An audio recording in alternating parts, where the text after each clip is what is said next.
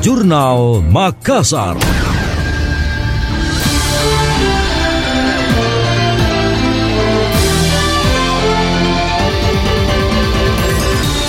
Sakit Umum Daerah RSUD Daya Makassar naik kelas menjadi Rumah Sakit Rujukan Madia.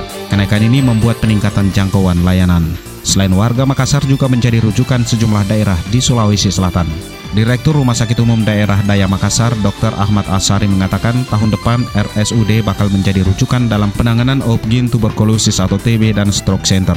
Pihaknya menjelaskan berupaya meningkatkan kualitas layanan sesuai arahan kementerian dan harapan wali kota Makassar Dani Pomanto. Sejauh ini fasilitas RSUD Daya sudah siap menjadi rujukan Madia, tetapi masih menunggu tambahan fasilitas dari Pusat Otak Nasional atau PON.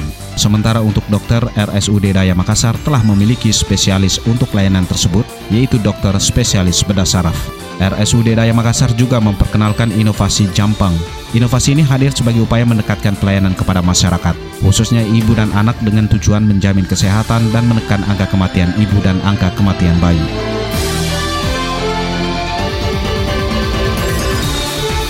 BKKBN mencatat dalam jangka waktu satu tahun jumlah keluarga Indonesia bertambah sebanyak lebih dari 2,2 juta yakni mencapai 70 juta. Sebelumnya pada pemutakhiran pendataan keluarga tahun 2021 atau PK21 jumlah keluarga di Indonesia tercatat sebanyak 68 juta lebih keluarga.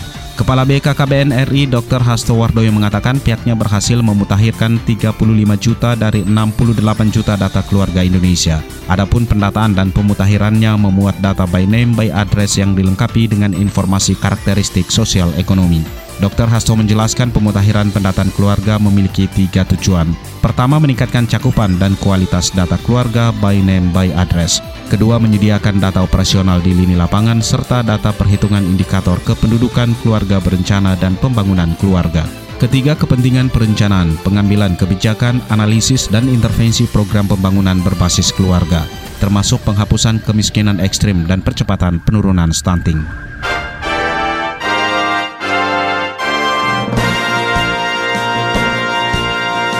Demikian tadi Jurnal Makassar.